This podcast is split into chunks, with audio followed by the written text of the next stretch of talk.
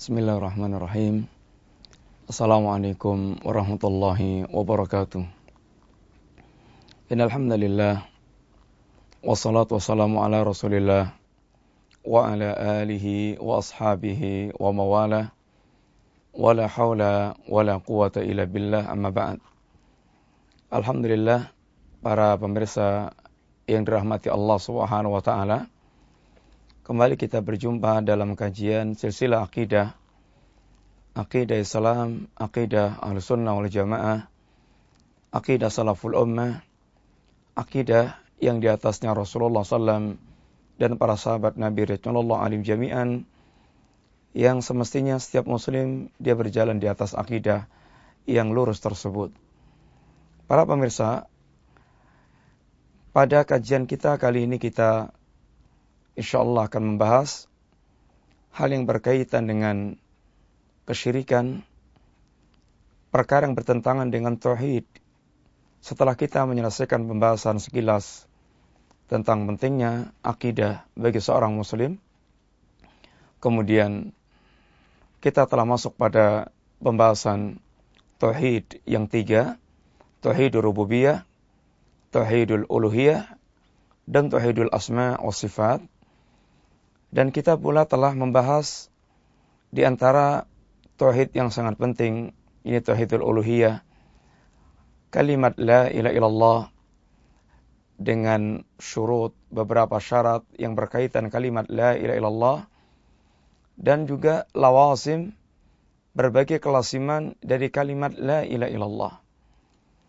Setelah kita sekilas mendapatkan gambaran tentang bagaimana tauhid, dan apa itu tauhid?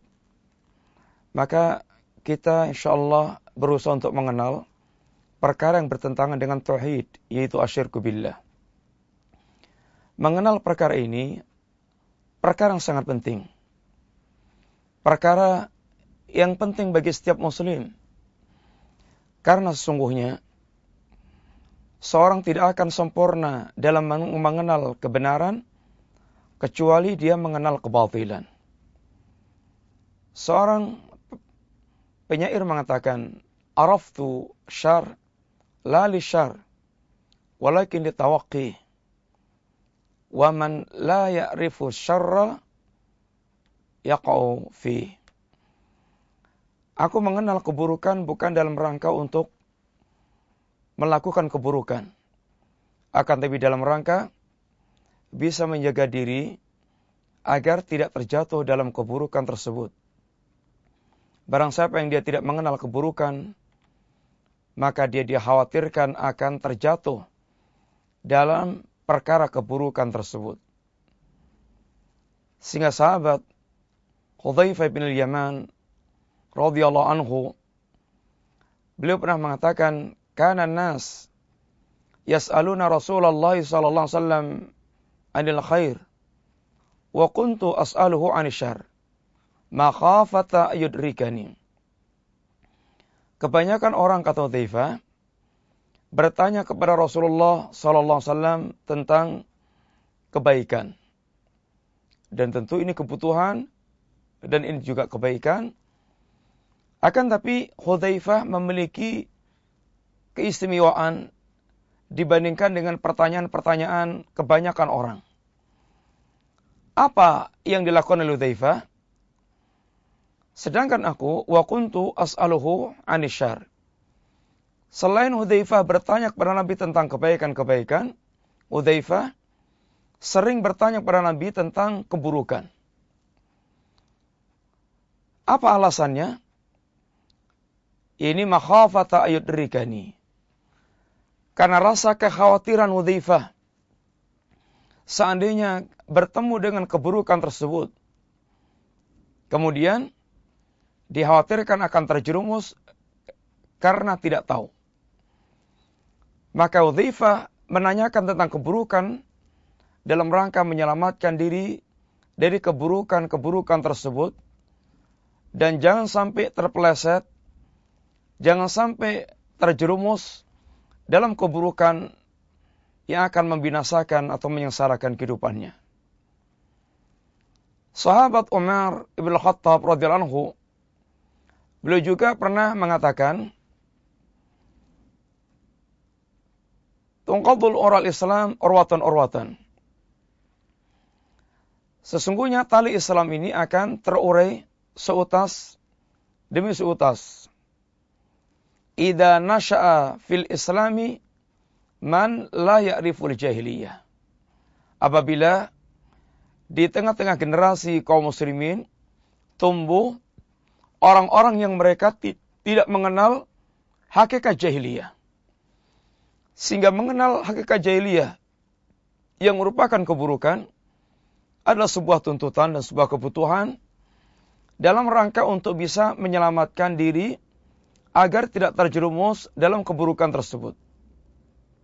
Demikian pula para pemirsa yang dirahmati Allah, mengenal kesyirikan yang merupakan lawan tauhid adalah sebuah kebutuhan dalam rangka kita bisa menyelamatkan diri agar tidak terjerumus dalam perbuatan yang sungguh sangat dahsyat dampaknya.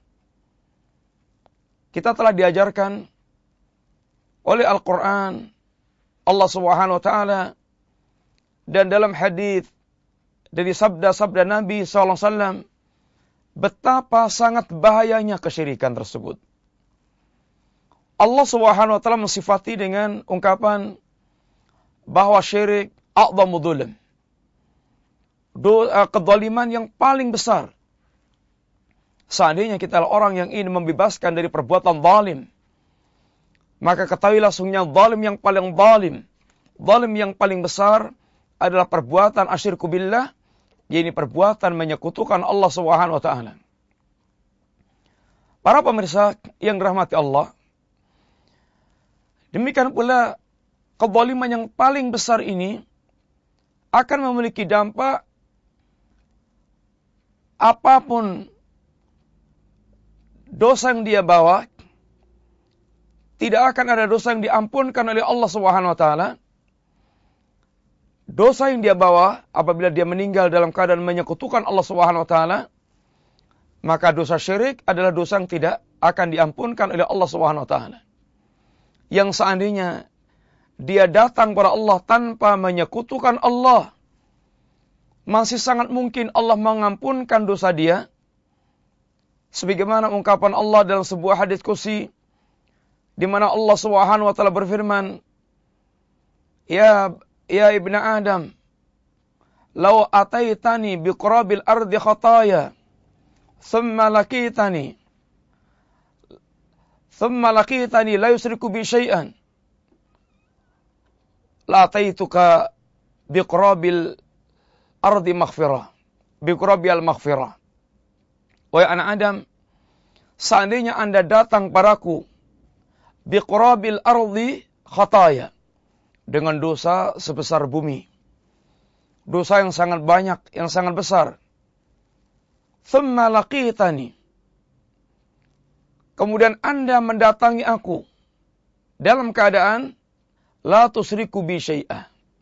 Sama sekali Anda tidak menyekutukan aku dengan apa pun. La ataituka bi qurabil maghfirah ini saya akan aku datangkan buat Anda pengampun atau ampunan sebesar dosa yang Anda bawa. Akan tapi apabila seorang dia datang pada Allah dalam keadaan dia membawa dosa syirik yang belum dia taubati sampai meninggalnya, maka Allah katakan innallaha la yaghfiru ayyushraka bi wa yaghfiru ma duna liman yasha. Sesungguhnya Allah tidak akan mengampunkan dosa kesyirikan dan Allah akan mengampunkan dosa selain syirik apabila Allah mengendaki. Para pemirsa yang rahmat Allah, demikian pula Allah Subhanahu wa taala menegaskan bahwa orang yang mereka meninggal dalam keadaan melakukan perbuatan syirik yang belum dia bertaubat kepada Allah, Allah akan haramkan baginya jannah dan akan Allah kekalkan dia di neraka. Mayusrik billah faqad harramallahu alihi jannah. Barang siapa yang dia menyekutukan Allah Subhanahu wa taala. Wa mayusrik billah barang siapa yang menyekutukan Allah Subhanahu wa taala faqad haramallahu alaihi jannah, Allah haramkan baginya sorga. Demikian pula bagaimana Allah Subhanahu wa taala menegaskan orang seperti ini dia akan kekal dalam neraka. Innal ladzina kafaru min ahlil kitabi wal musyrikina fi nari jahannama khalidina fiha. Orang-orang kafir, baik kafir alul kitab atau kafir karena dia musyrik, maka mereka akan kekal di neraka yang mereka akan kekal di dalamnya. Para pemirsa yang rahmati Allah, demikian pula Rasulullah sallallahu alaihi wasallam bagaimana menjelaskan tentang dosa kesyirikan ini sebagai bentuk akbarul kabair. Dosa besar yang paling besar. Ala unabiukum bi akbaril kabair. Maukah aku kabarkan kepada kalian dosa besar yang paling besar? Maka tentu kata para sahabat, kata Nabi, al-isyraku billah, Nabi menyebutkan yang pertama kali itu menyekutukan Allah Subhanahu wa taala. Demikian pula bagaimana Rasulullah SAW menegaskan bahwasanya di antara perkara yang pasti wajib, pasti dia akan mendapatkannya. Man mata wa huwa la yusriku billahi syai'an dakhala jannah wa man mata yusriku bi syai'an dakhala nar. Dua kepastian kata Nabi. Dua kepastian. Barang siapa yang dia meninggal dalam keadaan menyekutukan Allah, dalam keadaan tidak menyekutukan Allah, dia pasti akan masuk surga. Barang siapa yang dia meninggal dalam keadaan tidak menyekutukan Allah sama sekali, maka dia akan masuk jannah. Dan apabila dia meninggal dalam keadaan menyekutukan Allah dengan sesuatu, maka dia pasti akan masuk neraka. Para pemirsa, sungguh kesyirikan perkara yang sangat dahsyat, ibaratnya nuklirnya kebaikan, nuklirnya gunung kebaikan yang dengan perbuatan syirik akan menghancurkan sekian banyak kebaikan-kebaikan yang ada, maka mengenal kesyirikan sebuah tuntutan dan sebuah kebutuhan yang sangat yang harus dilakukan setiap muslim. Jangan sampai ada seorang mereka bodoh tentang perbuatan syirik karena dia dikhawatirkan akan terjatuh ke dalamnya. Para pemirsa, sesungguhnya umat ini awalnya adalah mereka orang-orang yang bertauhid. Umat ini perjalanannya mereka adalah awalnya generasi yang mentauhidkan Allah Subhanahu wa taala. Sebagaimana dalam firman Allah bahwasanya umat ini Allah jadikan ummatan wahidah. Umat yang satu. Umat yang satu di atas Islam. Umat yang satu di atas Tauhid. Sesungguhnya sebagaimana dikatakan oleh Ibnu Abbas radhiyallahu anhu, baina Adam wa Nuh antara Adam dan Nuh asratu kurun. Ada sepuluh kurun. Kulluha alal Islam. Yang semuanya mereka masih di atas Islam yakni alat tauhid. Ini di atas tauhid. Belum terjadi dosa dalam bentuk menyekutukan Allah Subhanahu wa taala. Mereka masih di atas tauhid. Setelah itu baru kemudian mulai terjadi kesyirikan pada zaman kaumnya Nabiullah Nuh alaihissalatu wassalam yang kemudian Allah mengutus Nuh dalam rangka untuk mengembalikan umat kepada jalan tauhid yang merupakan fitrah manusia. Para pemirsa yang rahmati Allah, sebagaimana dikatakan oleh Ibn Abbas radhiyallahu anhu ketika berkomentar tentang ayat Allah Subhanahu wa taala la tadarunna aliyatakum wala tadarunna waddan wala suwa'an wala yaghutha wa ya'uqa wa nasran. Jangan kalian biarkan sesembahan-sesembahan kalian yakni tolonglah sesembahan-sembahan kalian kata mereka. Dan jangan kalian biarkan Wat, Suwa, Yagus, Ya'uq, Nasran. Kata Ibn Abbas, Hadihi asma'u rijalin salihina fi qawmi Nuh. Wat, Suwa, Yagus, Ya'uq, Nasran ini adalah nama-nama orang-orang saleh pada zaman umatnya atau kaumnya Nabiullah Nuh. Falamma halaku ketika mereka telah binasa, jadi mati,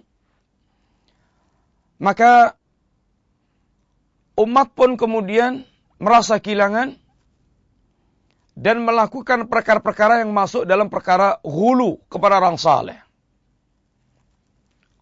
Maka mereka fa'akafu ala kuburihim. Mereka beriktikaf di kubur-kubur mereka. Mereka beriktikaf di kubur-kubur mereka. Ketika syaitan membaca bagaimana umat ini memiliki tautan yang kuat terhadap orang saleh yang telah meninggal dan memiliki kerinduan yang besar dan memiliki celah-celah sikap hulu kepada orang saleh. Maka syaitan membisikkan kepada mereka agar anil sobu agar mereka mematungkan orang-orang saleh tersebut allati kanu yajlisuna fiha yang biasa mereka bermajlis duduk di majelis tempat-tempat yang mereka biasa duduk padanya. Syaitan membisikkan agar dipatungkan orang tersebut. Fafa'alu walam tu'bad. Maka ide syaitan ini diwujudkan oleh kaumnya. Oleh kaumnya Nuh. Dan waktu itu belum disembah. Falamma nusial ilmu. Ketika ilmu telah hilang maka ketika ilmu telah hilang dan telah berganti generasi ubidat, maka patung yang tadinya sekedar mereka beriktikaf berubah menjadi patung yang kemudian disembah murni. Ibn Al-Qayyim menjelaskan untuk sampai mereka terjatuh di dalam perbuatan syirik ini ada tahapan-tahapan yang mereka lalui. Pertama mereka biasa itikaf di kuburannya. Kedua, kemudian mereka mulai mematungkan, mewujudkan dalam patung orang saleh tersebut. Dan ini berlangsung dalam waktu yang sangat lama. Sampai ketika akhirnya ilmu telah hilang, generasi telah berganti. Sehingga muncul generasi yang bodoh, yang tidak mengenal ilmu. Maka patung ini disembah sebagai sembahan yang murni. Demikian syaitan dalam membimbing manusia untuk mereka terjerumus dalam perbuatan syirik. Sehingga syirik mulai merebak. Yang diawali dari kaumnya Nabiullah Nuh. Kemudian di tengah-tengah umat mulai permunculan kesyirikan. Sejarah syiriknya pada Bani Israel. Sejarah syirik yang menimpa kaum Yahudi. Bagaimana mereka menyembah anak sapi. Kemudian syirik yang muncul pada orang-orang majusi. Yang mereka menyembah kepada Tuhan gelap dan Tuhan terang. Yang mereka menyembah kepada api. Kemudian syirik yang menimpa kepada kaum musyrikin Quraisy. Yang pelopornya adalah ini Luhai Amr bin Luhai al-Khuzai. Seorang tadinya nampak saleh. Kemudian dia yang menyebarkan praktek kesyirikan setelah dia pergi dari Syam dengan membawa patung-patung dari Syam hingga kemudian ditiru oleh penduduk Makkah dan sampai akhirnya tidak ada satu rumah tangga pun kecuali mereka memiliki patung alias kesyirikan menyebar di wilayah Jazirah Arab. Sehingga sungguh awal umat ini dalam keadaan mereka mentauhidkan Allah Subhanahu wa taala. Kemudian syaitan mempermainkan manusia hingga mereka terjerumus dalam perbuatan syirik sehingga ada yang menyembah patung-patung, ada yang menyembah kuburan, ada yang menyembah bintang dan matahari, ada yang menyembah bulan, ada yang menyembah raja manusia yang masih hidup atau yang telah mati. Maka ini semuanya merupakan bentuk permainan syaitan kepada manusia sesuai dengan kadar akal mereka. Maka sungguh mengenal keburukan syirik dan mengenal sejarah terjadinya syirik dan mengenal hakikat kesyirikan sebuah tuntutan yang mesti diwujudkan setiap muslim dalam rangka dia bisa melindungi dirinya agar tidak tersebut terjerumus dalam perbuatan asyirku billah. Mudah-mudahan manfaat. Wassallallahu ala nabiyyina Muhammadin wa ala alihi wa sahbihi wasallam. Assalamualaikum warahmatullahi wabarakatuh.